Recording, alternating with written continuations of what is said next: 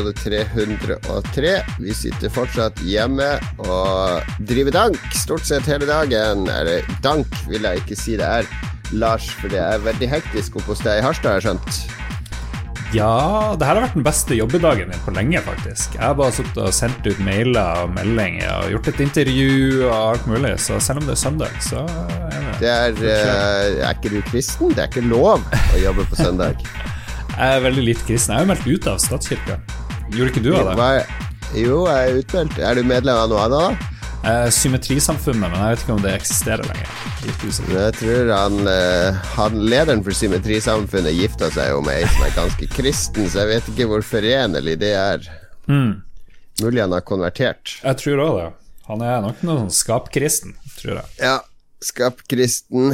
Uh, ja, nei, uh, søndag, jobbdag osv. For jeg, grunnen til at jeg sa det, det er bare meg og deg i dag. Det kan vi avsløre med en gang, så det ikke sitter en sånn lytter og venter i spenning på hvem tredjeperson er. Ja. vi, vi overholder Vi skal ikke samles mer enn to stykk, så vi overholder de reglene. Og så skal man helst ha eh, 180 mils avstand, og det har vi også. Så vi har overholdt alle koronaregler. Men grunnen til at jeg spurte jeg Ja. så, eh, du, du delte noen bilder at dere var og så på kontor Ja. til den nye jobben din. Ja, så nå skal vi være midt på torget, egentlig, i Harstad. Det er litt hemmelig, men det er jo bare noen tusen kanskje som hører der, så det går sikkert bra. Ja, ja, jeg trenger ikke å si hvor det er, men poenget var mitt var at dere må jo være eneste bedriften i Norge som er ute og leier kontorplass nå, som alle skal jobbe hjemmefra ut året. Mm, ja. Det må jo være, dere må jo bare prute ned den prisen til halv pris. Det kommer jo ikke en annen, det kommer ingen andre å være interessert i det der. Nei, jeg tror boligmarkedet generelt, sånn bedriftsboligmarkedet, kommer til å slite. Så, men vi har funnet en pris, og den er veldig ok. Så jeg håper ikke de er for sur, de som har leid ut i oss. Så vi har forhandla ganske brutalt. Vi har det. Ja. Er det, er det du som er den brutale forhandleren? Er du, er du good cop i forhandlinger, eller er du bad cop? jeg er good cop. Åpenbart good cop. Jeg vil jo at alle skal ha det bra. Jeg, jeg betaler gjerne litt ekstra for at noen skal føle seg bedre. Så, sånn sett er jeg en elendig Du ofrer gjerne egen komfort for at andre skal ha det bra på kontoret. Så Mm. du gir den gode kontorstolen, den gir du til din sekretær, mens du tar pinnestolen, for du ser at hun har litt vondt i ryggen. Kanskje jeg skal få meg sekretær, det var en kjempeidé. Det har jeg ønska meg helt siden jeg begynte i Cribite, å ha en sekretær. Så Ja. når jeg kommer på jobb, så står hun klar med en sånn blokk. Og så jeg husker at klokka 9.30 er det det, og så klokka 10, og så ringte han og han. Er det lov å ha sånn kjempepen sekretær? Ja, i hvert fall en sånn mannlig, sånn pen, sånn homofil mannlig sekretær. Sånn personlig assistent. Det er det ofte på film, har jeg sett. Ja.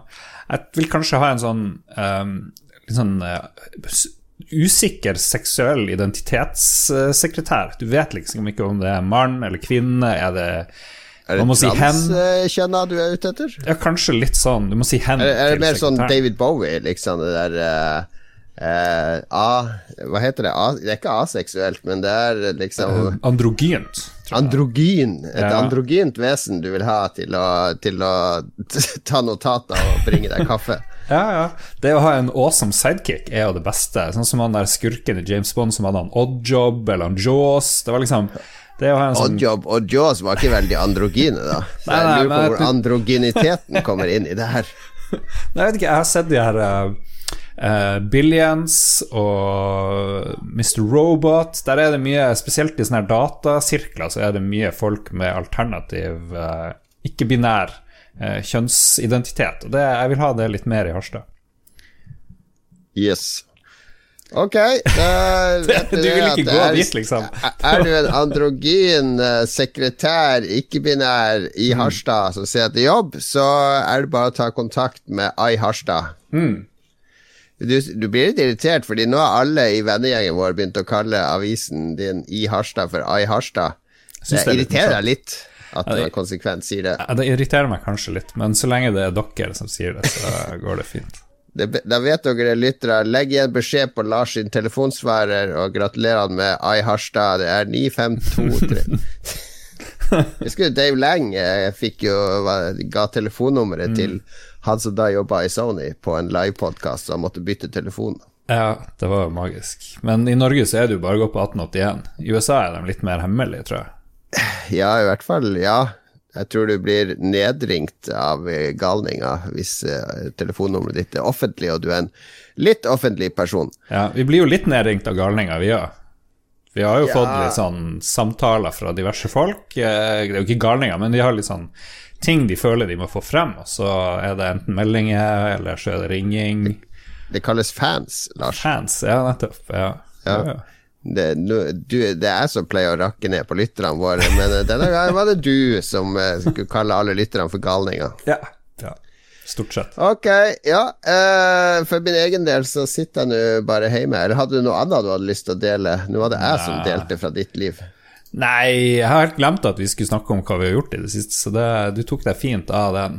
Det er jo veldig vanskelig å snakke om hva vi har gjort i det siste, for vi gjør jo ingenting, eh, bortsett fra å sitte hjemme og, ja. og prøve å jobbe og sånn. Prøve å holde, holde frustrasjon og eh, angsten på avstand. Det er liksom det jeg føler mye av tida går, går, med til. Ja. Nei, Man har liksom ikke vært på restauranter eller fester eller sammenkomster eller jobbreiser. Så at uh, den der uh, kurven med ting og unike ting å dele, den er ganske tom. Mm, ja, det blir mye. I dag satt jeg også i sofaen, og i dag var jeg også litt for lite fysisk aktiv. Uh, ja. ja. det skal vi snakke om senere. Jeg skal uh, Ja, vi må, vi må, nevne Jeg ser at du har, du har uh, tatt oss ut av Red Crew-feeden. Hva er det som har skjedd der? Ja, vi må nevne at vi er på tur ut av Red Crew-feeden. Det har jo ja, ja, Er det fått... en ny krangel på gang? Nei, forholdet med Jostein og Red Crew er jo på topp, vil jeg si. Det skal bli enda bedre. Vi skal, vi skal, bli litt flinkere og fremsnakke hverandre. Vi har liksom glemt av å snakke om Red Crew i det siste, og det gjelder sikkert dem òg. Vi samarbeider jo tett, i teorien. Ja. Og de hjalp oss jo veldig da vi starta opp, men nå så har vi fått litt sånn Vi har fått sånn Lolbua After Dark, vi har Spillrevyen, og vi har Lolbua, og det, vi har litt mye forskjellig. Vi spriker litt, så vi skal Og så er noe Vi har litt større redaksjon, og vi gjør mye Vi har jo ja. bygd ut Lolbua veldig i år, da. Vi streamer jo mye mer. Jeg har jo begynt å blogge. Det kan jeg jo mm. si at jeg har gjort ja, siden sist. Men jeg kan gjøre meg ferdig med, med Så det her er nest siste episode som er i Rad Crew-feeden, hvis dere høre på det her, så da må dere bare i tillegg få den Lolbua-fienden, da. For det, det, blir litt sånn oppstykka del, så vi bare samler oss på ett sted, da. Gjør vi. Ja. Og så blir det eh, Spillrevyen-feed, den har vi jo egen, egen sak. Den må dere også sjekke ut. Hver mandag, Spillrevyen. Ja. Og det betyr uh, at vi kan prate mye mer om Hitler og nazisme og sånne ja, ting som ja. Jostein ikke var så glad i. Det er jo stort sett derfor vi går ut derfra, for det får vi ikke ja. lov til uh, så mye nå. Vi kan, eh, vi kan, lekke Vi har et dokument der fra Red Group på ting som ikke er lov å snakke om. Vi kan se om det plutselig skjer en lekkasje. Det dukker opp på nett. Der, mm. Du vil ikke tro hva som står på nummer seks på det, den lista der. ok. Ja, hva du har gjort? Du kom på noe? Jo, det kom jo på at jeg har jo faktisk begynt å blogge daglig, opptil flere ganger om dagen. Så blogger jeg nå på lolbua.no. Uh, det er en egen, egen, side for bloggen min der. Underside. Og uh, det er en måte å takle situasjonen vi er i på, fordi jeg er jo Jeg har alltid vært litt sånn kreativ. Og så har vi hatt en sånn Patrion-tier det er noen som skriker i bakgrunnen, men sånn er det når hele familien Ja, det er, det er mye bråk. Ja. Uh, det er en måte å takle den isolasjonsgreia på for min del. Så vi hadde på Patrion så vi hadde en sånn brevvenn-tier, der jeg liksom skulle sende eh, mail til alle på den tieren en gang i uka. Og det er to grunner til at det falt igjennom. For det første så blir det sånn at når jeg skal skrive en sånn mail, så må det liksom være veldig gjennomtenkt. Og mm. Du føler litt liksom, press? Jeg, jeg, jeg, stilte veldig høye krav til meg sjøl. Jeg kunne ikke bare skrive at i dag har jeg eh, vaska doen, og, og sånne ting. Eller 'i dag har jeg ikke gjort en dritt'. Eller uh, Det måtte være sånn her kommentarstoff som kunne være på trykk i Aftenposten, var liksom det som var tanken min. For mm. det klarte jeg jo å levere ukentlig i Aftenposten, men da var det jo en, en heltidsjobb. Ja. Uh, nesten. Så, så, tanken var at jeg skulle gjøre det, men så, da ble det som press. Altså Da jeg ikke fant riktig tema, eller ikke var fornøyd med teksten, så ville jeg ikke sende den ut. Og så var det også sånn at hver gang jeg sendte ut, så det er ganske mye styr å holde styr på de e-postadressene, og hvem som skal ha, hvem som har kommet inn i tieren, og hvem som har gått ut av tieren, osv. Mye bortforklaringer her, altså. Ja, veldig mye bortforklaringer på at jeg er lat. Men så tenker jeg jeg har jo fortsatt lyst til å skrive småting her og der, fordi det en av grunnene til at jeg hadde den tieren, var at jeg ville holde skriveferdighetene ved like. Så da tenkte jeg nå når jeg sitter hjemme, så er det sånn at jeg har sånn pause på ti minutter her og ti minutter der når jeg jobber eller gjør andre ting. Eh, og det tar, tar, meg ikke mer enn 10 minutter, 15 minutter å lage en sånn bloggpost. Det tar nesten mest tid å fikse det bildet med den der teksten oppå. Mm. Eh, ja. Men men uh, da poster jeg alt mulig sånne småting som jeg opplever og tenker på og gjør og har sjekka ut, i stedet for den brevvenn-tieren. Og det er åpent for alle, de bloggene. Ja, jeg har lest flere av de, og jeg er sjokkert over tempo og frekvens. Eh, det er ganske mye, og det er underholdende. Og så har du blitt sitert på IT-avisen allerede. Ja, det var jo en artig bieffekt at uh, IT-avisen plutselig brukte oss som kilde for at Final Fantasy 7 ble, ble solgt tidlig i Norge. Ja. Nei, men gå på lolbua.no og finn eh, bloggen til Jon Cato. Vi skal jo rigge litt om på den der hjemmesida. Vi har jo fått en ny, veldig bra anbefalingsside. Ja. Og der er alt mulig rart eh, morsomt å finne som vi har anbefalt. Over 200 ting. Og nå når vi er i gang, så har vi et, en en geniøs bidragsyter, Dag Thomas, som også begynner å se på den hjemmesida, for den er ganske ræva, egentlig, akkurat nå. Ja, endelig begynt å markere seg litt i redaksjonen. Endelig ja. fått fingeren ut og begynt å jobbe litt for Lolbua. Ja, det er herlig. Bra noen gjør det.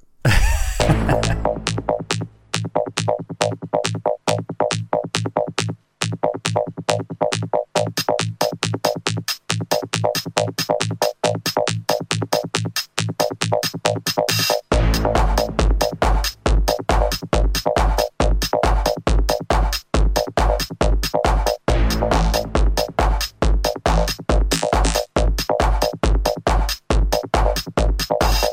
yes.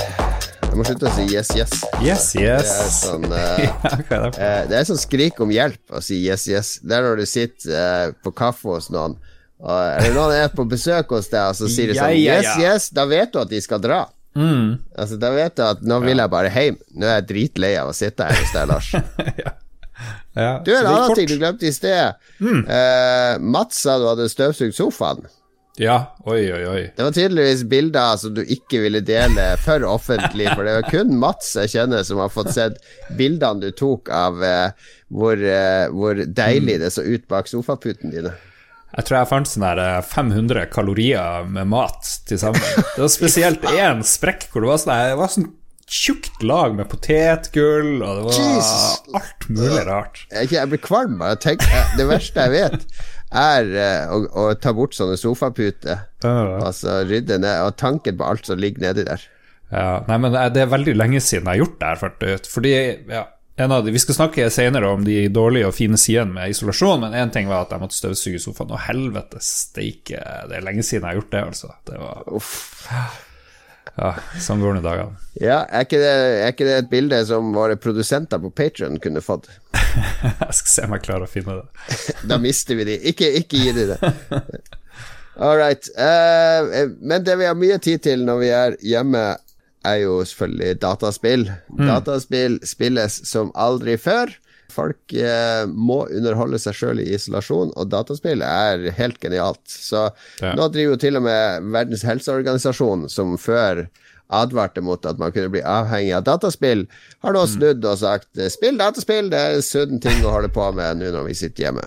Ja, jeg tror alle får nye perspektiv på livet akkurat nå, så det er jo fint at ESPN i USA har måttet ty til å sende masse e-sport, fordi det er jo konkurranser som går an å spille. Ja. Eh, Formel 1-løp kjøres eh, virtuelt, osv. Så, videre, mm. så uh, dette er jo En bieffekt av korona er jo at dataspill er hottere enn noen gang, kanskje. Ja. Men tenk, det er mange andre som kunne gjort ting annerledes. For eksempel, de har jo avlyst Eurovision, Melodi Grand Prix. Ja. De skulle jo bare sendt alle det er kjempelett. Alle har spilt inn vinnersangene fra ulike land. Det er bare å sende de. Eventuelt kan man gjøre det mer avansert og framføre de live hvis de vil, men det er jo bare å sende de her låtene ut til folk. Det hadde, hadde gått an å organisere Og, og jeg håper jo, eller mange håper og tror at det, denne perioden vi går gjennom nå, kan medføre noen sånne permanente endringer. Mm, ja. Altså, jeg tenker jo det er jo ikke utelukkende negativt at uh, russetida blir avlyst i år. Kanskje går det an å skalere ned hele den der uh, russegreia, fordi det er jo uh, en, en, noe helt vanvittig. Det er jo noen konspirasjonsteorier om det viruset. At det er lagd i Kina, at det er lagd av USA. Jeg tror det er lagd av foreldre som er lei av russetida. Nei, men også eksamen. Så jeg leste en sak om at det er jo ikke, egentlig ikke nødvendig med eksamen. Altså Lærere har alle verktøy de trenger for å sette karakterer på elever. Så eksamen er bare noe man har, fordi det er tradisjon for det. Så, så kanskje går det an å se i seg sjøl at ok, vi måtte ofre alle disse tingene under isolasjon. Nå er vi ikke isolert lenger. Trenger vi å ta alt tilbake til sånn som det var, eller er det noen ting som vi liksom ikke trenger å ta tilbake? Ja. Jo, jeg er litt enig. Men uh, når det gjelder eksamen, det er jo riset bak speilet. Ah, du, må, du, må, studere, ellers kan du stryke på eksamen. Og bla, bla, bla. Men jeg, jeg ja. vet ikke. Ja. Ja, ja. Jeg vet ikke, jeg heller, men det er jo eh, Jeg tenker bruk erfaringen til noe positivt, og ikke bare noe negativt. Mm. Vi kommer jo aldri til spalten. Nei, nei, nei, men det er jo koselig. Vi trenger ikke komme til noen spalte. Hva vi har spilt i det siste, er i hvert fall det vi skal snakke om. Uh, du, kan, vi kan jo ta Vi har spilt litt forskjellige ting. Vi kan jo ta mm. du, du, kan ta ett spill først, og så kan jeg ta ett. Og ja, jeg kan først ta bare fortsettelse fra det jeg holdt på med i forrige uke. Det var jo å spille Control, det her uh, finske Remedy sitt tredjepersons spill hvor du kommer inn i en FBI-bygning besatt av spøkelser. Det er litt sånn mer seriøs Ghostbusters, vil jeg kalle det. Det er masse ånder som er sluppet løs fra et eller annet sted og bare går amok i et uh, paranormalt FBI. Og det er veldig ja. gøy. Det, du kan skyte og bruke psykiske evner. Det er altfor mye uh, handouts, altfor mye dokumenter å lese gjennom og sånn å plukke opp, men det er utrolig koselig spill. da. Bruke tida og gå rundt i Jeg tror det er fire hovedetasjer i det her bygget, som mm. er ulike ting, og så er det, er det jeg vet ikke, jeg får så god følelse av å gå rundt i sånn fantastisk veldesigna spill, hvor alt ser flott ut, og en troverdig verden, og morsomme effekter, og ulike fiender som kommer hele tida, som du må slåss mot. Eh, og jeg har bare spilt og spilt og spilt, og begynner vel å nærme meg slutten, og min gode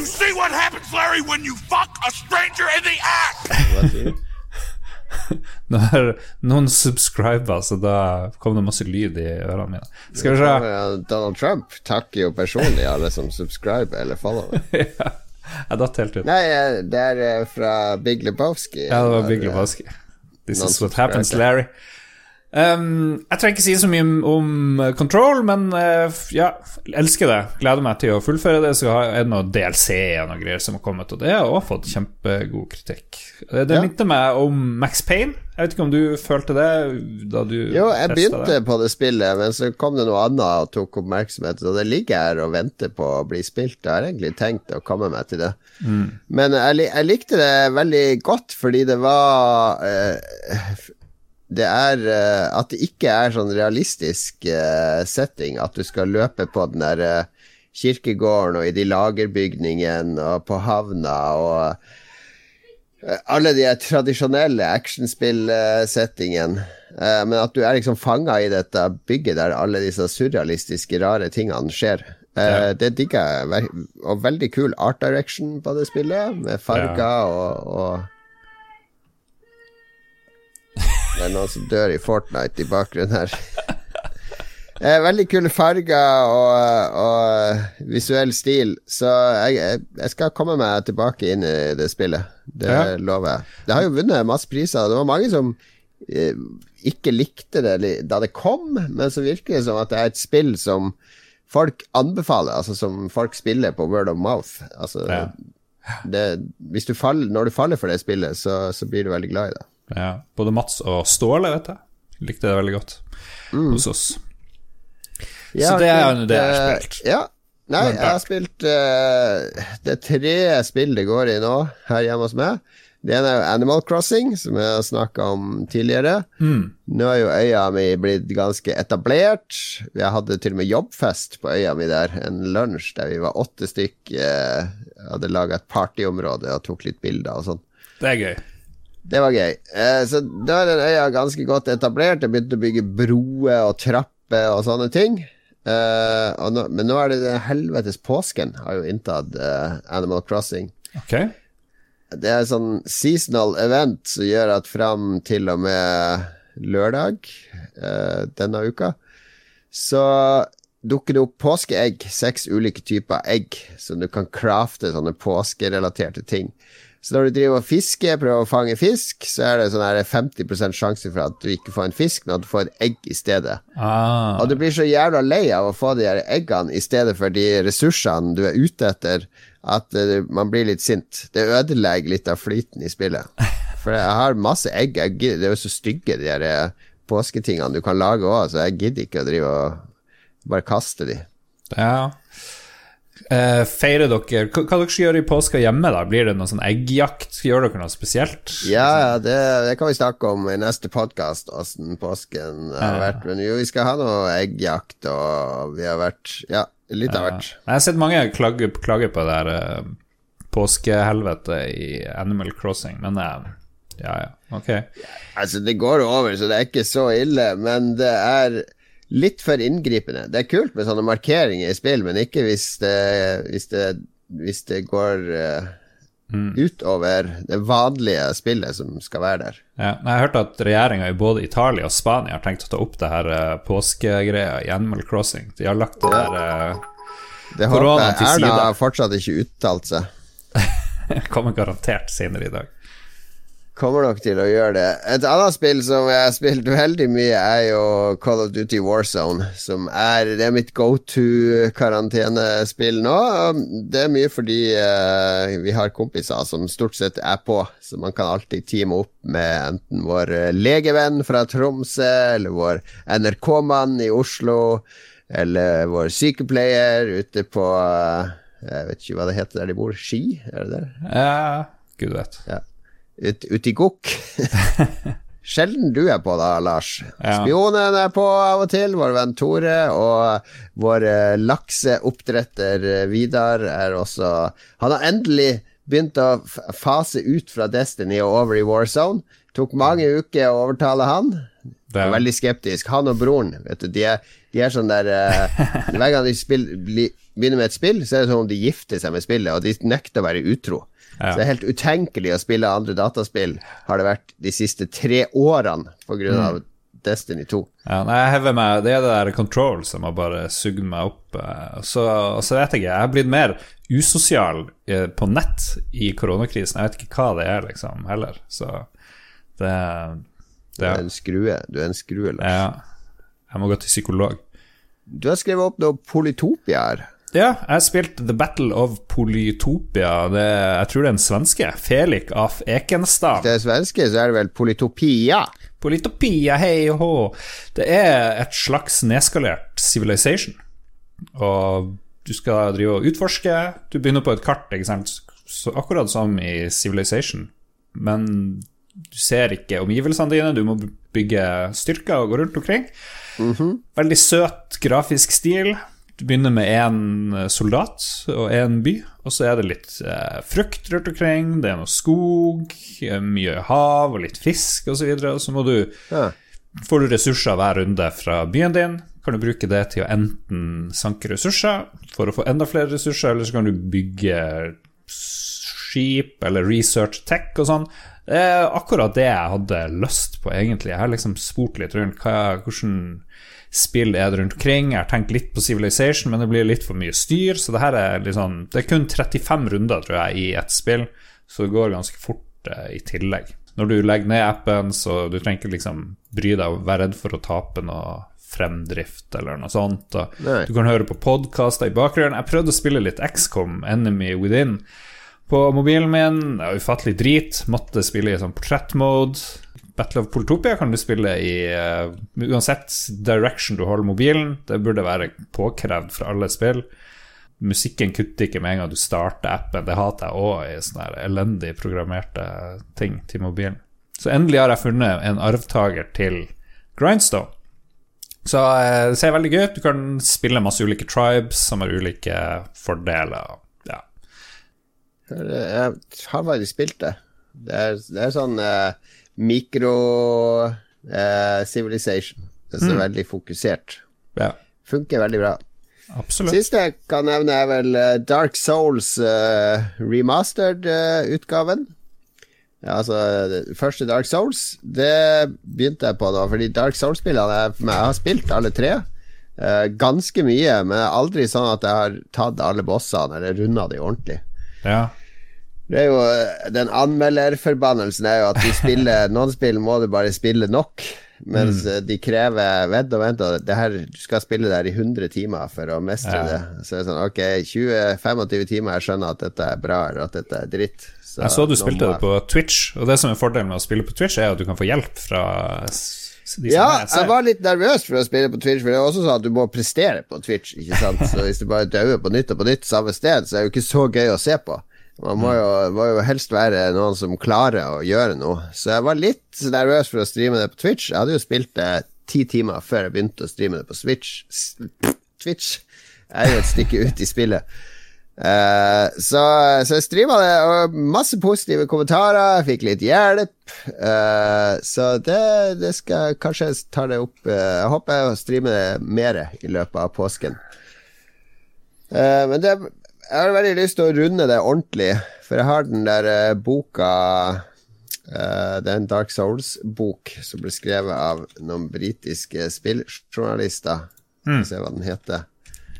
Uh, you Died.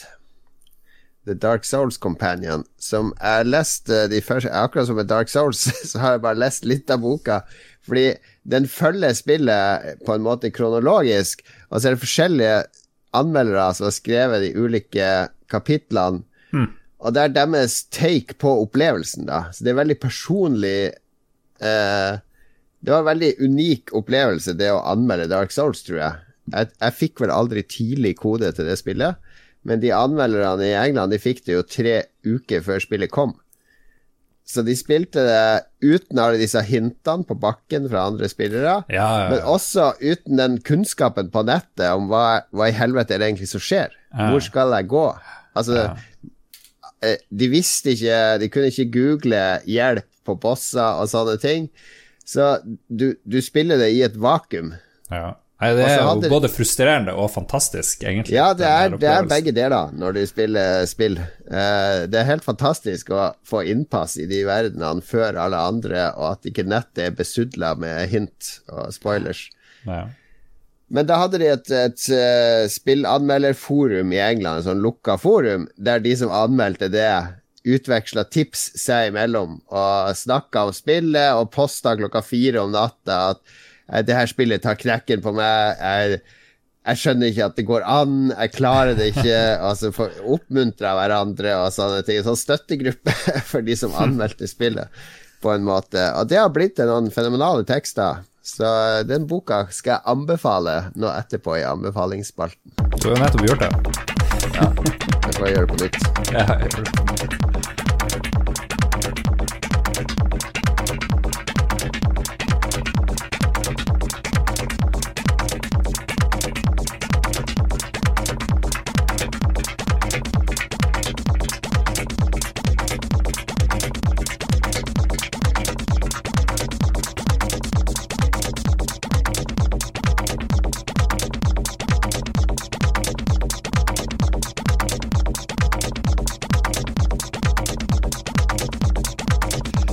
Isolasjon har vart eh, snart en måneds tid, er det vel, der vi har fått beskjed om å holde oss hjemme. Klarer du å følge oppfordringen, Lars?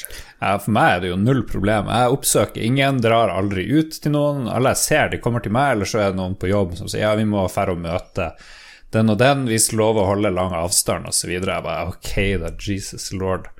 For å Hvordan skal du som journalist få verifisert at ting stemmer, når du ikke kan dra ut og, og sjekke det fysisk? Altså, alle kan jo ringe eller sende mail og si at det har landa en ufo eh, på Kvæfjordeidet. Hvis du ikke kan dra ja. på Kvæfjordeidet og sjekke det, så blir det jo fort fake Ja. news. Jo, jo. Nei, du har helt rett. Nei, jeg vet da faen. Um, jeg tror at uh, vi blir å færre mer ut når denne avisa holder på med, i gang. Nei. Kjedelig svar. Jeg skulle bare sagt vi dikter opp all driten uansett. Sånn er det. Det har gått en måned, men isolasjon er jo ulike ting, da. For eksempel, du sitter jo helt alene, mens jeg sitter jo med Vi er fem mennesker som sitter under samme tak. Eh, altså, jeg er jo ikke isolert fra mennesker, men eh, jeg er Ja. isolert fra de fleste mennesker. Ja. Men ikke, ikke de nærmeste. Jo. Nei, jeg savner det veldig. Jeg gjør det.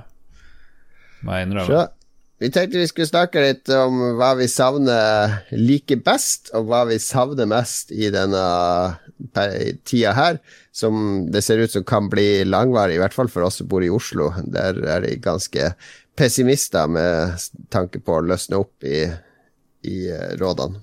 Ja. Først, jeg merker Jeg var veide meg rett før sending nå. Mm, Så vidt på 90 kilo igjen. Jeg var jo nede på sånn 86-87. Lagt på meg snart fire kilo under det her. I starten av det her så gikk jeg jo ned. You and me var- both, baby. vi, I starten så var det så mye stress og angst, jeg tror kroppen var i sånn her anspent beredskap, så da gikk faktisk Da gikk det ned noen kilo, men nå så er det bare wow, Nå er vi på tur opp igjen.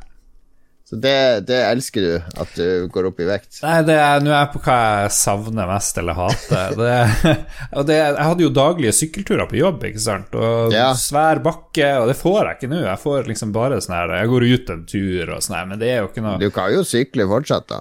Øh, Jo, men åh, ja. Det er tiltak, ikke sant? Jeg, jeg savna akkurat det samme, det der at jeg måtte dra til og fra jobb, og kombinere det med sykkelen, det gjorde at det ble en treningsøkt. Ja. Så den savner jeg veldig, og jeg har også rast opp i kilo. Det så jeg når jeg så meg sjøl på den streamen i går.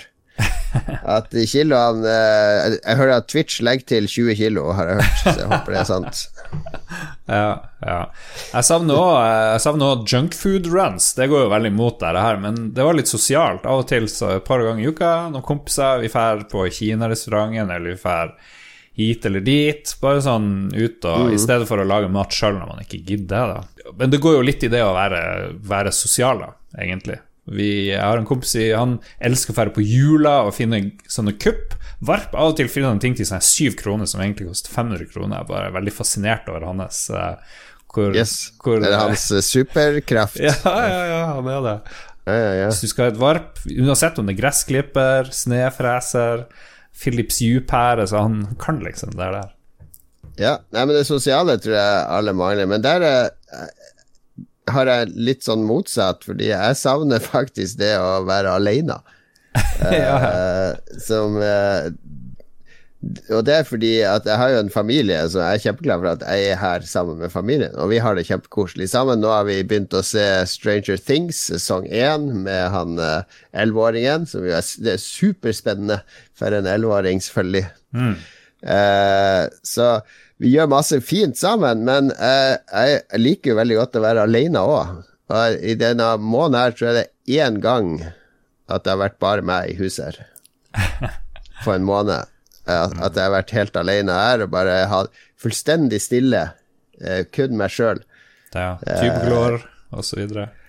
Ja, så det jeg, jeg trives jo Jeg vil ikke leve alene, det er jo ikke det jeg sier, men jeg trives med sånne små øyeblikk der det er bare meg sjøl Ja. å tenke på, og det, det savner jeg, og det, det syns jeg eh, Vi har jo en, en venn som bor på Furuset, og han sier at han ser ungdomsgjenger som går og henger sammen hele tida og spiller fotball og sånn. Og jeg skjønner jo det hvis du bor i en familie med der dere er tre-fire barn og, og foreldre som bor på en treroms på 60 kvadrat, at det må jo være et helvete å Ja. prøve å holde seg hjemme og innendørs alle sammen hele tida. Så jeg er jo heldig sånn sett. Det er jo et luksusproblem at jeg savner det å få være litt alene av og til. Ja, dere har jo et hus med åtte etasjer eller noe sånt, tror jeg. Så det er jo Ja, vi har stort nok hus. Alle har hvert sitt rom å være på, så det er jo bare tull. At, uh, men det er bare min, min sære ting. Ja.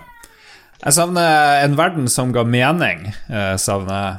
Jeg føler ga det eh, veldig mening, den verden med Donald Trump og Putin og fake news og Ja, I forhold til det som er nå, Så vi visste jo Nå vi den hadde har mening, for nå handler det om la oss overleve, altså å bekjempe dette viruset. Det har jo aldri vært så Mm. ensretta fokus fra alle verdensledere på å løse én krise som det er nå. Ok, ok, la oss si det da at jeg savner trygghet. Kanskje det er det jeg savner? Det var ikke at- veldig trygt før heller. Det var en illusjon av trygghet, Lars.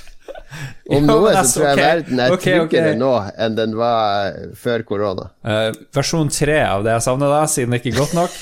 Illusjon av trygghet savner jeg. Ja, Det kan godt være en illusjon, men liksom Da kan du jo at- bruke ja. Ai Harstad til å bygge opp denne illusjonen av trygghet. Men tror du, tror du uh, forkjølelse blir utrydda nå òg, i samme slengen? Hvis vi klarer liksom å holde Vi klarer jo ikke det, da. Vi klarer ikke Nei, det men, tror jeg ikke. Men det må jo være noen andre sykdommer som smitter mellom mennesker, som man sånn, i teorien skulle få ned, i hvert fall ganske betraktelig. Ja, det kan jo hende at det har noen bieffekter. Jeg, kan, jeg skal ikke påberope meg å være noen virusekspert. De finnes du nok av på Facebook allerede, så la oss ikke prøve det. Men uh, ja, jeg, jeg skjønner jo hva du mener. Men uh, ting, du, ting man elsker, da Jeg kan jo si at jeg elsker å være hjemme. Jeg kan være hjemme i flere år. Det gjør meg ingenting. Eh, hjemmet mitt er det stedet jeg liker aller best å være, så, så det, det, det, det liker jeg faktisk. Så du vil helst ha hjemmekontor eh, fremdeles? Eh, nei, jeg vil jo jobbe med Krillbite og de folkene, og altså, jeg liker meg godt på kontoret òg, men jeg jeg er ikke sånn at jeg våkner om morgenen og så bare 'Å nei, skal jeg være hjemme i dag òg?' Det er bare sånn 'Yes, nok en dag hjemme'. Ja, jo, jeg er for så vidt enig. Jeg liker å ikke møte folk. Litt fordi jeg blir litt engstelig hver gang jeg møter folk. Jeg føler dem er skjetten, og potensielt så kan de drepe meg. Så, men Ja. til ellers så er jeg jo omgås jeg jo nesten ikke folk i det hele tatt. Så, så det Min sosiale angst, eh, generaliserte angst, syns det er veldig fint. Men jeg blir jo, får jo litt sånn behov for å Skulle gjerne gitt noen en klem, eller liksom vært litt uh, nært Ja. noen folk. Det har jeg ikke gjort på en måned snart. Eh, Så elsker jeg at alle er tilgjengelige hele tida. Sånn som når vi skal spille inn podkast, da. Før så var det sånn her Ja, lørdag fra da og da og da og da. Sånn her, Finne et vindu på en halvannen time der begge oss passer, og kanskje en tredje person. Mens nå er det sånn Ja, vi kan ta det på lørdag og søndag. Spiller ingen rolle, vi sitter jo her uansett. Ja, ja, det er sykt mye lettere å gjøre de her tingene. Ja, og alle andre er også tilgjengelig hele tida, så det er sånn Er det noen som vil spille Warzone? Ja. Ja. Det er liksom eh, Det er ikke noe sånn Nei, jeg skal ut med jobben i dag, eller ah, jeg har sånn eh, jobbmiddag, ah, det er quiz på puben i kveld, ah, det er en kompis på besøk fra utlandet. Det bare sånn eh, Skal vi gjøre det på nett? Ja. Det, ja. Alle, ingen har fotballtreninger og sånne ting, og det elsker jeg også. At den hverdagslogistikken er så utrolig enkel. For før er det sånn at uka er, eh, er Det er jobb, få ungene på skolen, og så er det kjøre til dansing og fotball og korps og, og dill og dall. Foreldremøter, eh, FAU-møter. Det ene med det andre hver eneste dag. Det er det at kalenderen er helt tom nå. Det er liksom ingen, ingenting scheduled. Ja. Skal vi se. Og så er jeg veldig glad for at jeg bor i Norge.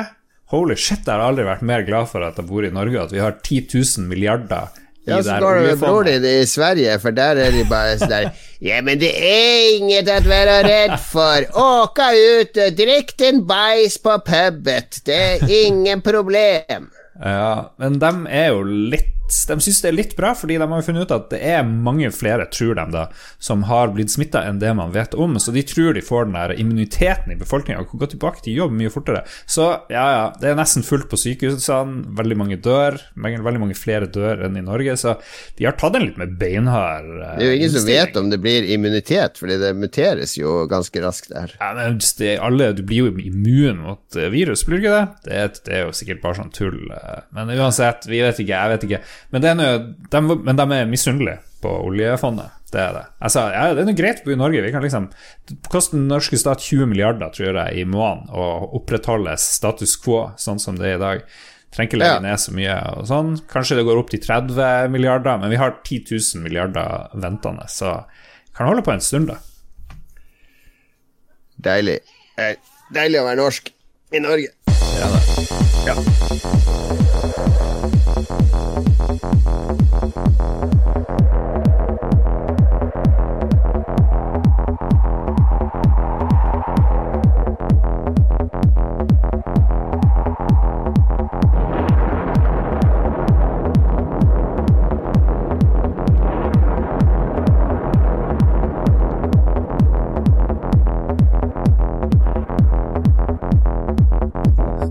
Oakley-dokley. Se, så jeg skulle slutte å si yes, yes. Oakley si i stedet. Oakley-dokley. Da kommer vi til anbefalingsfasen. Jeg skal anbefale Vi har lov å anbefale mer enn én ting nå som det er isolasjon, fordi folk trenger ting å bruke tid på. Okay. Så jeg skal begynne med å anbefale den boka jeg nevnte, You Died. Uh, The Dark Souls Companion finnes både til Kindle og i fysisk versjon. Tror de har den til og med på Outland, så du kan bestille den der og så støtte norsk eh, bedrift som trenger pengene dine i disse tider. Et brettspill tror jeg går så det suser nå, så jeg tror nok Outland tjener greit. Ja. De har så ræva nettbutikk, så jeg skulle ønske at de kunne fikse den, for den er så Den er 20 år bak eh, moderne nettbutikkstandarder. De kan hyre inn Dag Thomas eh, hos oss. Ja, der, Dag Thomas kan ta det oppdraget. Bare, bare ring oss, Outland, så, så hjelper vi dere. Men eh, bruk nettbutikken til Outland, selv om den er litt utdatert, og så bestill You Died, The Dark Souls Companion. Eh, det er en veldig fin bok å lese som jeg gjør nå mens du spiller Dark Souls, fordi den går liksom gjennom spillet sånn som de fleste spiller det. Et, et område, tar den for seg, tematikk, ulike temaer, og skrevet av engelske spilljournalister, Kisa MacDonald og flere andre, så om deres opplevelser med spillet. Kjempe, kjempe companion piece til et fantastisk spill. Bra. Skal jeg ta en anbefaling? Ja. Jeg har hørt på noe som ble anbefalt av lytterne våre, som heter Triforce Podcast. Før så tror jeg det het Yogscast, eller var knytta til en YouTube-kanal som heter men nå heter det Triforce Podcast. Det er tre karer. Louis Sips og Pyrion, som høres ut som det er noen sånne rare alias, egentlig. Men det er nå to karer i England og en canadier som bor i Jersey, som eh, samles hver uke. Og snakke litt sånn som oss, eh, uærbødig og løst og fast om spill som binder deg ihop, dem i hop, men så har de litt sånn filosofi, de er litt mer filosofiske, de tar for seg ett tema, og så har de evnen til å sitte i en time og prate veldig underholdende og ganske sånn sjikanøst om eh, ting. De bryr seg ikke noe som helst om hva folk tenker om dem. Så hvis du liker Lolbua, så kommer du hvert, mest sannsynlig garantert til å like det her Triforce, for det er litt sånn De er våre åndelige brødre borte i England der. Eh, Podkasten starta i 2015, så du har eh, enormt eh, arkiv å gå etter det der, altså. Short and Det er en slags kanadisk lolbua. ja, engelsk-kanadisk, eh, britisk-kanadisk lolbua. All right. Podkast går det nok mye av for mange i isolasjon, vil jeg tro. Min andre anbefaling er en uh, som jeg lurer på om jeg har snakka om den før i Lolbua, sikkert. Men jeg tror ikke jeg har anbefalt den. Fordi for sommeren for to år siden, var det vel? Et og et halvt år siden. Så prøvde jeg noe som heter syvukerstreningsprogrammet til NTNU. Jeg vet ikke om det er NTNU sitt, men det ligger i hvert fall på NTNU sine hjemmesider. Eh, eh, Jeg har sett det, på ja. ja, syvukersprogram NTNU. Hvis du søker på det, så får du det opp. For det er et treningsprogram for folk som ikke Det går ut fra at du ikke er i særlig god form når du begynner, og på syv uker skal du komme i god form. Så er, du må trene tre ganger i uka, og så er det deltid mandag, onsdag og fredag. Det er det treningsøkter. Så det er forskjellige økter hver gang, så de trappes liksom opp. Så jeg prøvde det sommeren for jeg tror det var to år siden. Uh, da kom jeg meg til uke fire. Det som skjedde da, var at eh, sommerferien var over. Vi kom hjem fra Vestlandet, begynte på jobb, syklet til jobb og sånne ting.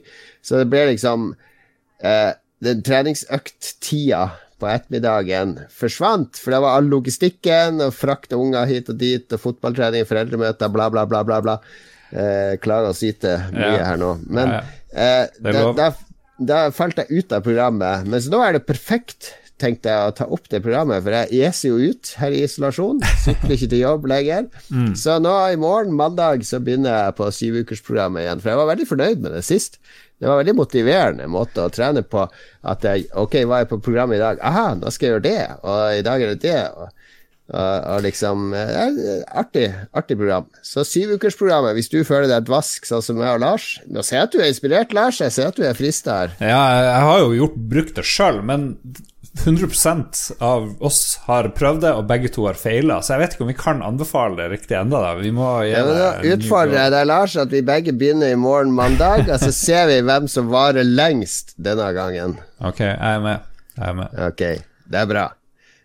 Fitnessbua, det liker jeg. Så syvukersprogrammet til NTNU, treningsprogram. You Died, A Dark Souls Companion og Triforce Podcast. Det er de tre tingene vi anbefaler denne uka.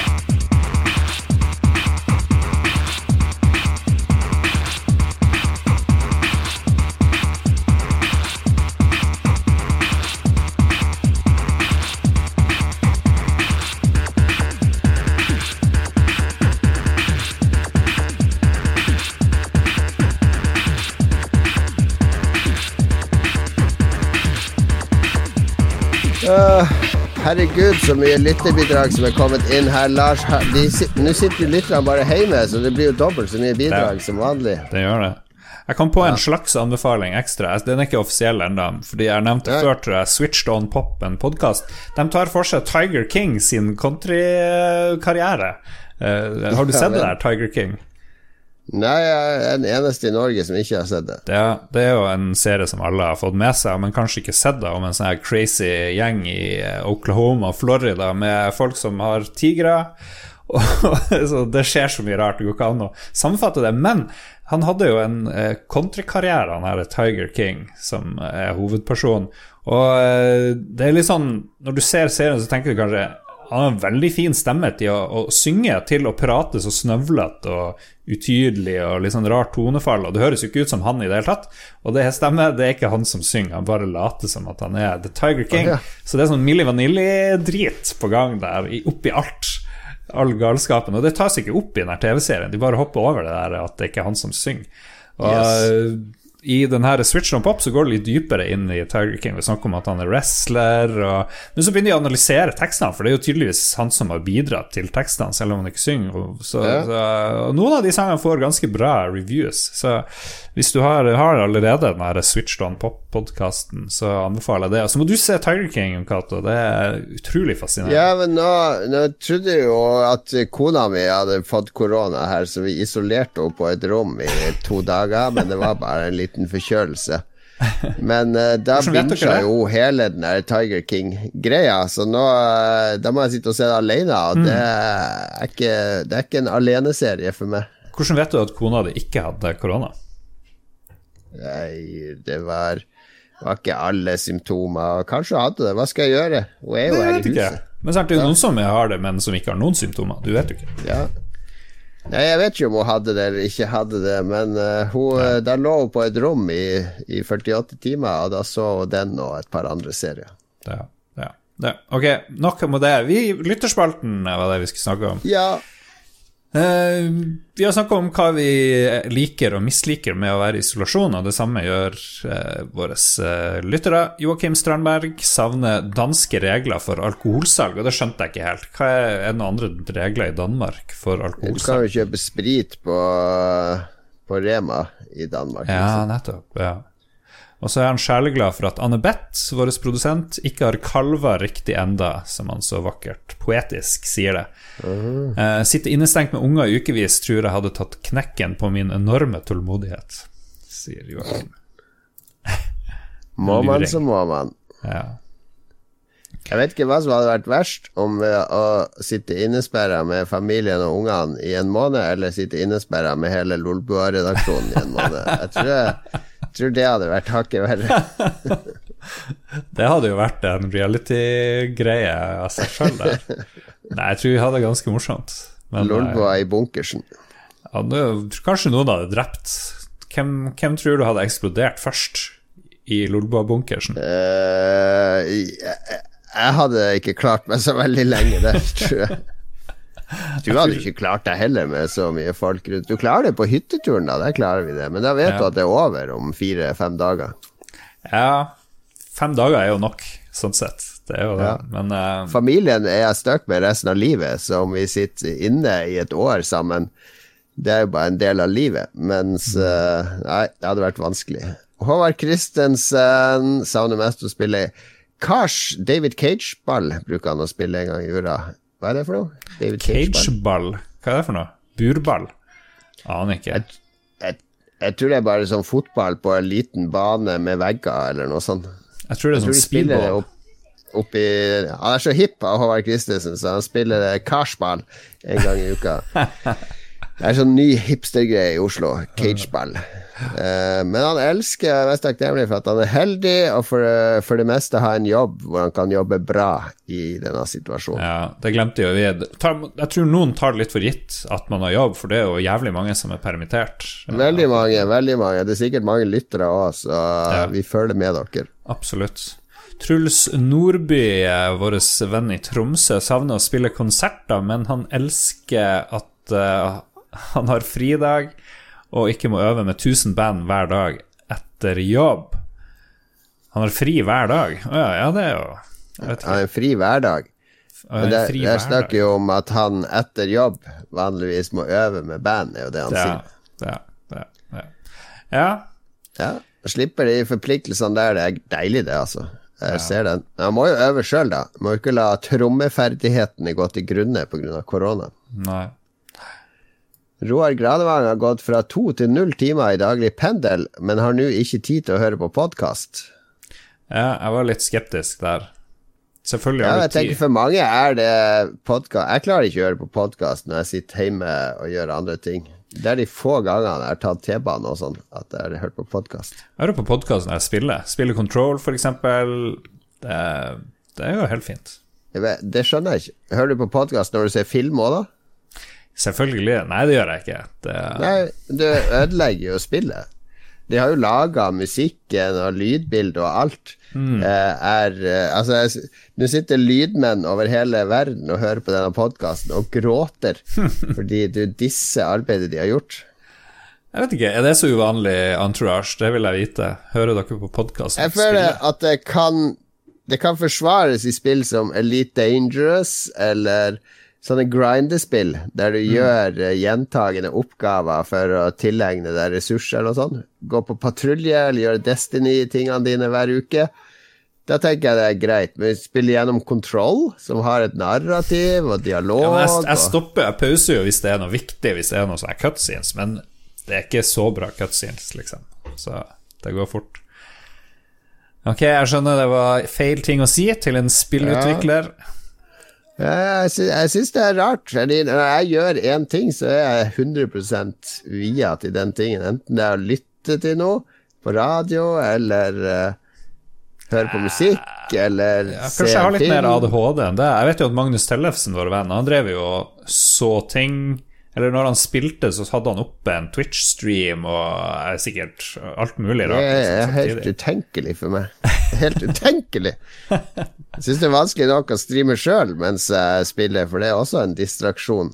Ja, men Du har blitt flink der. Før så klarte du ikke å gjøre noe annet enn å spille, men nå så prater du jo eh, Mr. Chatty Man. Ja, det, har- det har tatt lang tid å, å bli vant eh, til det. Nei, det der er eh, Ja, jeg vet ikke. Hvis du først skal gjøre noe, så må du gjøre den tingen. Hører. Ja, du på podkast mens du leser bok, da? Hvis jeg hadde muligheten, så hadde jeg gjort det. Jeg vet ikke, jeg tror jeg har litt ADHD, eller jeg vet ikke, jeg har sånn enormt behov for å konsumere ting. Jeg vet ikke, Det er et eller annet. Det er noe galt med meg. Morten Bekkelund savner å kunne dra på jobb, og stengte barnehage er det verste han har vært med på. Alexander Mortensen savner Premier League, og så sier han Coys. Jeg har aldri skjønt det. der. Coys, C-O-I-S. Tottenham, tror jeg. Come on, you suckers. Hva det står for? Come on, you scum. Jeg vet ikke. Og han savner muligheten til å spille fotball. Han digger Surge 2 og andre Soulsborne-spill. Surge 2, veldig bra spill. Aldri hørt om. Come on, you Spurs, betyr det. Come on, feel Ja, red. Premier League, der er det mye drama. Nå ser Liverpool sier opp eh, alle, alle stabsansatte som nå skal bli lønna av staten i stedet. Okay. Fordi de har jo sånn government-program som dekker 80% av lønna di hvis du blir permittert. Så da har du bare permittert alle i staben, mens eh, spillerne de tjener jo sånn Noen av de har vel sånn over tre millioner i uka i Ja. lønn. Ja, ja. Nei, det Men eh, det liker jeg i Norge, at alle De fleste trenger ikke sparke staben, liksom. Det går bra i USA, så spark, får jo alle sparken. Så det blir jo et Ja. å sette alt til sammen igjen, for du får vel ikke de samme ansatte tilbake i mange tilfeller. Det blir bare tull. Anyways, eh, Magnus Eide Sandstad savner brohugs. Det er jeg Ja, ja det, er, det er også en av de tingene jeg håper endrer seg når det her er over, at vi slutter med at vi skal klemme hverandre hele tida. Jeg har alltid vært motstander av sånn klemming i offentligheten og klemme What? mellom menn og Du bruker ikke å klemme meg, det skjønner ikke jeg. Nei, jeg bruker å ta folk i hånda. Ja, du er Jeg har en liten intimsfære, det er ti personer, de får klem. Ok. okay? Ja. I tillegg til familie.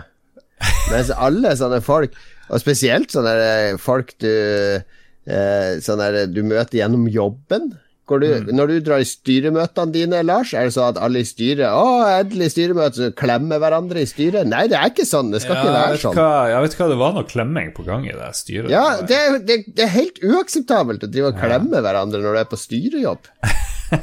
Så jeg håper det blir slutt på det. Slutt med de klemmene. Spar klemmene. Klemmen mister sin betydning. Klem er et tegn på omtanke og kjærlighet, så, og det skal du gi til de som er viktige for deg. Du skal vite at hvis du får en klem av meg, så er du en viktig person i mitt liv. Ja, men vet du hva, kanskje de er sånn som meg. Hvis jeg klemmer alle, så, så vet du ikke det. Ja, men du har jo nok klemmer hjemme hos deg. Du er sikkert lei av at nå skal ungene klemme igjen, eller et eller annet. Jeg får jo ingen klemmer. Skal ungene klemme. klemme igjen? Nei, unger, kommer dere, jeg skal klemme igjen! Jeg har fått klemmen din i dag!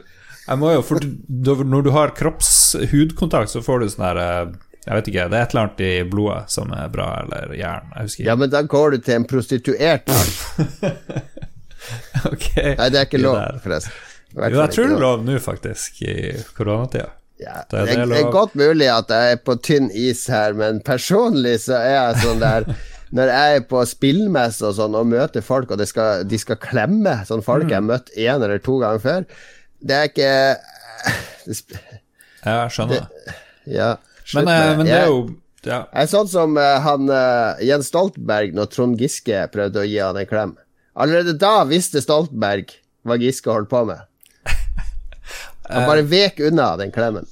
Apropos det der prostitusjon, jeg tror ikke det er lov, men det er lov å drive og røyke Det er, ikke, det er vel ikke lov å kjøpe sex, tror jeg, men du har lov å selge så mye du vil. Ja, det har du lov. Men nå skulle man ikke, politiet skulle ikke straffe besittelse og bruk av narkotika narkotika eller et eller annet sånt. Så det er bare Du tar det av i samfunnet.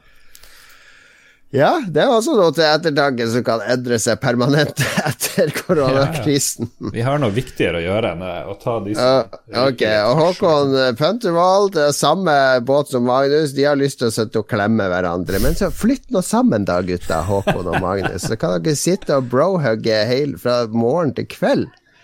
Og så elsker han at han har fått tak i Final Fantasy 7 Remake, syv timer ute i det nå, og han elsker det. Game of the Year 2020. Det har ikke noen av oss begynt på. Jeg kjenner ikke noe behov for det, og Philip skal jo streame 24 timer 10. april klokka 12 på Det blir veldig bra. Det gleder jeg meg. Det, jeg, jeg tenker at jeg får en bedre opplevelse av det spillet ved å se Philip Ja. spille det, enn om jeg spiller det sjøl. Helt enig. Helt enig. Helge Larsen savner sport. Håkon Puntervold, forresten. Jeg har Ja. meldt meg inn i den der spill Han har en sånn Facebook-gruppe med Ja. spill, eh, sånn månedlige spillutfordringer. Og ble veldig inspirert til å prøve meg på den som er denne måneden, som er eh, 120 stjerner i Super Mario 64. Uh, okay. Det er jo oppnåelig. Det tar litt tid, da, gjør det ikke det? Eller Ja, ja men det, du har ikke Nei, det har du ikke tid til nå. Han Helge Larsen er veldig enig. Han savner sport, og før var det alltid en fotballkamp eller et Formel 1-løp å glede seg til. Og de var timer unna å starte det første Formel 1-løpet i Australia, men så kom jo selvfølgelig den jævla fett koronaen akkurat da. Akkurat da begynte det. Og så tenkte de nei, vi kan ikke Noen, fø, noen i noen team følte seg syke, de syntes ikke det var rett. Det var, De hadde solgt billettene, og de idiotene hadde jo kommet og sett på, så jeg syns noen burde tatt ett for The Team. I hvert fall ta det der Australia Grand Prix, et par hundre tusen mennesker. Kjørte de ikke på nett i stedet? Ja, de kjørte noe sånne e-sport-greier, men uh, det var jo ikke like artig. De bruker jo de, de, de, er så dårlig forberedt. De bruker jo hva heter det, Formel 1 2019 fra Codemasters, og det er ikke lagd for noen sånne seriøse greier. Det er ikke det. Det er for dårlig. Det er for dårlig. Men det er jo litt morsomt at de gjør det, men det ser skikkelig dritt ut. Det gjør det. Ja, jeg spilte, jeg. Det er artig spill, det. Nå sitter jeg og ser løp fra 80-tallet for å døyve abstinensene, sier Helge Larsen. Elsker at han får tid til å spille mer eh, og se filmer og sånt. Ja. ja. Hvis jeg hadde laga en liste over de 10 000 tingene jeg savner mest i, uh, i denne perioden, så tror jeg sport hadde vært på 9999. plass. Er det sant? Savner du ikke det? det ikke i liksom- det hele tatt. Det det jeg elsker at jeg slår på TV-en på en helg, og så er det ikke skirenn hver jævla dag på NRK. Ja, jeg elsker at det ikke står om ski. Og disse, det eneste som står om skisportutøvere i avisen nå, det er at hun der, uh, hun der dopedama, hun uh, uh, Johaug, har brutt, brutt hytteregler og sånne ting. Ikke, de klarer jo De skal ikke klare å, å, å, å, gå på ski ærlig. Ikke klarer å holde hytteregler heller. Hva er dette? Jeg har jo sånn mesterkriminell, hun Johaug. Jeg tror det. jeg tror det Hun ja. er nok noen sånne Sopranos-greier. Uh, hun er sånn mafiadame, hun Johaug. Jeg elsker at det ikke står om sportsfolk i avisen dag inn og dag ut. Og så tenker jeg at kanskje, kanskje kan man revurdere hvor mye dekning av denne sporten trenger vi virkelig disse ti sportsjournalistene kontra våre to kulturjournalister? Kanskje vi heller kan uh, fokusere på, på, det viktige nå? Det ble mye rants fra meg i denne episoden. Ja, ja, ja. Begynner å ligne på det. Gamle, gamle høyder her. Nei, sport er, uh, det er opium. Jeg skjønner at folk savner det. Men uh, det mm. er uh, Folk begynner å se på CS, da. Mye som skjer i CS og League of Legends, og det er sport, det òg. Sport, det òg. Ja. Skal vi se hvor er vi kommet. Kristoffer Gettoboys Hansen. Du får ta han. Han savner Kristoffer Gettoboys, han savner mest barnevakt. Uh, men etter at han så Magnus inn, så må han også støtte Brohugs. Kom igjen, da. Flytt inn i noe Terrace House, dere tre. Det, er, det, er, ikke mye hugging i Terrace House. Jeg lurer veldig på hvordan det går med dem. Det har jeg ikke sjekka. Ja. Ja. Men i japansk kultur så driver man ikke og klemmer hverandre. Nei, nei, det har du rett i. Veldig lite hugs og nesten ja. ikke kyssing. Og det er, jo, det, er jo, sikkert en grunn til at de ikke får barn. Det har jo gått nedover i 20 år nå med de fødselstallene, så det, mm. det er nok noe der. Getterboys er også særdeles glad for at uh, de har kjøpt hus med et par hundre kvadratmeter hage, for da får uh, ungene aktivert seg daglig. Ja. Skal vi se, Martin Pettersen er i full jobb, ingen stor forandring. Savner myke hender og kunne besøke de eldre i familien og venner. Savner at man kan jobbe som normalt. Uh, der han jobber, nede i en tredjedel av vanlig omsetning. Ja, Men han Oi. klager ikke så lenge han fortsatt har jobb. Nei, det skjønner jeg. Myke hender. Det finnes jo sånne kremer og salver som fikser det, gjør det ikke ja, stemmer det. Eller er jeg for bokstavelig nå? Nei, jeg syns det var mildt underholdende kommentar. Det er kanskje det han savner, er vel det Halvdan Sivertsen synger om, ei hand å holde i. Når natt går mot dag. Ja, det savner du òg, Lars. Uh, han, han som synger. Vært, tror du du hadde hatt det bedre eller verre i isolasjon hvis du hadde hatt samboer nå? Jeg tror jeg sikkert hadde hatt bedre. Spørs om jeg liker dem jeg er samboer med. har du noen, hatt en samboer du har likt? jeg har ikke hatt så mange samboere. Jo, jeg hadde en par. Ja, jo, ja. jeg har likt flere av dem. Ja, ja. Så det Så gikk det over. Jeg leste på Natt og Dag hadde en sånn sak om folk som fortsatt er aktive på Tinder i disse tider. Mm. Uh, som, det er jo nye måter de, de, dater jo ved å møtes på en benk der de sitter i hver sin ende og har med seg øl og sånne ting. Så wow. det tilpasser seg. Ja, koselig. Hans GM savner mest se folk, være ute og gjøre ting, og fellesskapsfølelsen. Eh, men det beste er jo tid til å ta opp store spillprosjekter, som Divinity 2 f.eks. Maks kos for Hans GM der. Det, vi har jo snakka om at gamere klarer seg sikkert ganske Oh yes, greit. de er rusta. Bjørn Bjelland, han savner barnehage, ja. Fordi der bruker ungene å være, men ellers har de det bra. Han elsker at det har blitt en oppblussing av digitale treff og arrangement. Digital pubquel-quiz. Skulle ikke dere ha quiz, Jon Cato, du og Magnus? Vi er snak Det er noe snakk om det, men jeg vet ikke om vi får det til. Ja, mye jobb, mye jobb. Ehm, ja, live DJ hver lørdag. Der snakker han om deg og alle streamene på Twitch. Jeg, så, jeg, jeg påstår for kona mi at det var jeg som begynte med det live DJ-greiene i korona, for nå har alle fulgt etter. Det er så mye DJ-er som streamer live hjemmefra nå. Det er konstant minst 20 sånne live DJ-streamer på YouTube nå, har jeg sett. Det er jo en unik idé. Alle må ha kopiert deg der, tror jeg faktisk. Ja, ja, ja. Er Kreditert meg. Skal saksøke hver, en, hver og en av de. Ja, Øystein Reinertsen han savner å drikke øl ute med kompiser. Ellers har han en normal hverdag, så han er i full jobb. Han er mer spent på å glede seg over hvordan enkelte mennesker først nå oppdager alle gleder og muligheter teknologien gir en. Det er et godt poeng. ja da. Nød lærer gammel gubbe å bruke Tinder. Skype. Ja. Jo da. Um, hva er favoritt-videokonferansesystemet ditt nå, da? Discord. Er det Discord? Funker veldig bra, synes jeg. Men det er, kommet, det er jo noe som heter House Party, som er populært blant de yngre nå. Det er vel Epic Games som faktisk eier det. Oi? Eh, det har jeg lasta ned, så det har jeg lyst til å teste, for det er sånn eh, virtuell hangout med kamera på mobil og iPad. Ja, Så kanskje vi skulle teste det, vi, Lars, Ja. hvis du laster det ned. det skulle være en sånn offline-funksjonalitet å ha. Jeg vet ikke, jeg har ikke jeg har ikke prøvd det. Vi må teste det. Vi må få testa det. Men det er eh, Vi skal jo ha det Det kan jo du ha med din mor òg, men på fredag, da vi bruker å ha påskelam, så skal jo min familie og søstera til Synne sin familie med barn, og broren til Synne sin familie med barn, og foreldrene til Synne Da skal alle sette opp en laptop eller en iPad på spisebordet.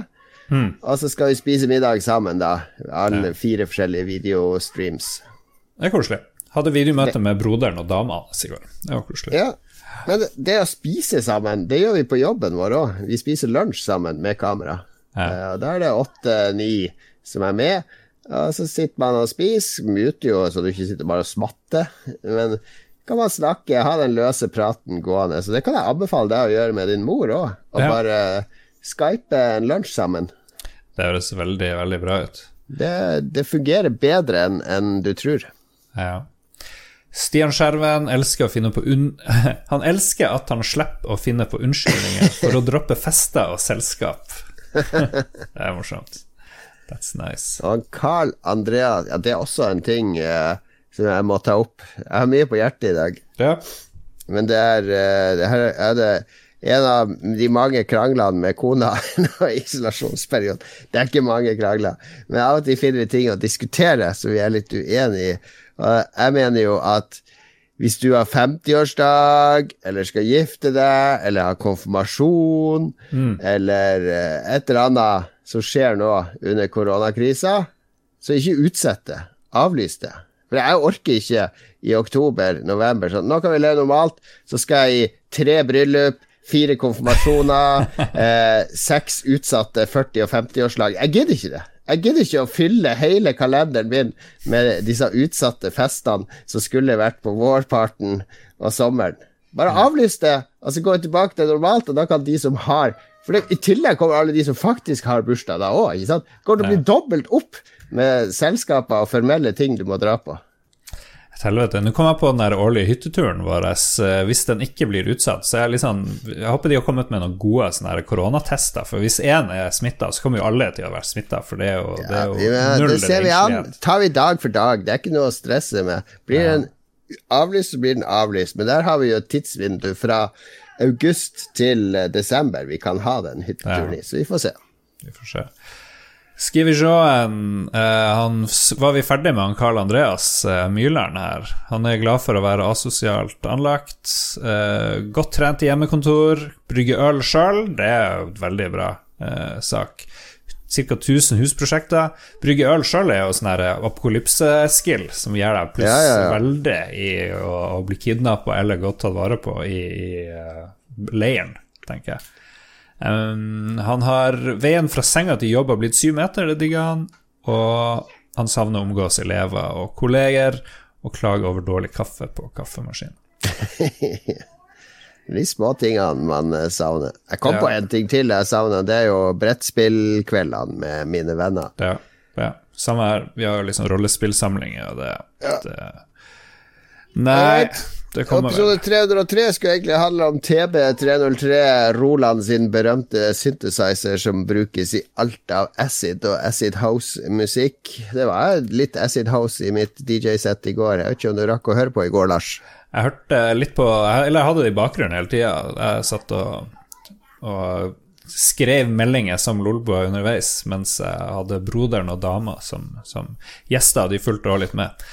Nei, jeg fulgte med, men ja. Nei, men jeg skulle Det er veldig bra. Veldig bra. Ja. Jeg skulle jo si noe Hva sa, hva sa svenskene? De var, det var bare klaging som vanlig, akkurat som på Norge i Grand Prix.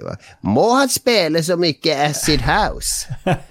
Er det ingen slegermusikk den fyren kan? Ja, vi snakka om Melodi Grand Prix, faktisk. Vi gjorde det. Men svenskene de, de er jo så opptatt av det her Melodi Grand Prix, vet du. Så det er jo en enorm krise der borte at det er avlyst. Ja, viktig Ja, ja. perspektiv på ting. Eh, Yes, nei, vi er fortsatt i live. Vi podkaster videre Hell så yeah. lenge det varer. Vi streamer. Husk å få med dere streamen på fredag denne uka. Nå er det 24 timers stream med Philip. Jeg tror både jeg og Lars kommer til å poppe innom der og snakke Mm. litt med Philip underveis. Uh, tror han har lova litt sånn giveaways og andre ting, eller i Mm. hvert fall vise fram noe. Ja, det var noen celebs han har fått med seg. Og, Ja, ja, ja, det blir celebs. Blant annet kommer Pamela Anderson innom. Og eh, jeg har også Ja. hørt at Elon Musk er en stor eh, fan av eh, Final Fantasy. Ja. Hør uh, spillerevyen som kommer hver mandag, Lolbua på onsdag, DJ bloggen på lørdag. Sjekk bloggen på Lolbua. Faen, jeg tar det helt av. eh, Ja, og det. takk til våre produsenter og alle støttespillerne våre på Patrion, som gjør det mulig å produsere så mye innhold. Ja, hvem er våre produsenter, Jon Cato? Det er jo uh, Annebeth, Mm. og så er det Kosti. Nei. Nei, det er ikke Kosti. Det er han Kobrakar. Kobrakar er produsent. Ja, og så er han TTMXMP. Yes. Og til slutt Og til slutt er det han som har fullt navn. Han, fire eh, navn, tror jeg. Tor Helge Øvergård Ingebrigtsen. Tusen takk, alle sammen. Vi er tilbake om en uke. Ha det bra! Hei! Ja, ja, ja. Sånn. Det er bra. Hallo, alle som følger med live der ute. Vi har ikke eh, sagt så mye til dere. Vi har... Det er ikke så lett å drive og ødelegge hele sida. Det er ikke så lett å lage podkast og være fokusert der og snakke med en chat. Liksom, det går ikke. Det gjør ikke det. Eh, Jon Cato Nordstrand er bedre enn Lambertseter, får jeg høre. Hva? Hva? Er det det? Jeg har hørt rykter fra Level Up om at Jon Cato er Team Bergkrystall. For en taper. Men jeg går hardt utover det her i chatten. Er det hat på meg i chatten? Ja, ja, ja. What the f? Ja. Nordstrand er uh, Det er der de rike bor som skal ha enebolig. Det er litt Oi. sånn sos, mer sossete der. Veldig dårlig skolemiljø, har jeg hørt. Ok, der hører du. Neck2baby er brukernavnet. Det var et svært Ja. spesielt brukernavn. Um, Ladeluff. Når det kommer et skritt nærmere etter tre år Amigaen er ute av skap, ligger på kommoden i bobleplast. Oi, oi, oi, oi. Det høres spennende ut. Kamsauen akkurat kommet inn, og vi er ferdig. Ja. Nei, men det får så være. Kos, kos, folkens. Ta vare på dere sjøl. Ha det. Ha det.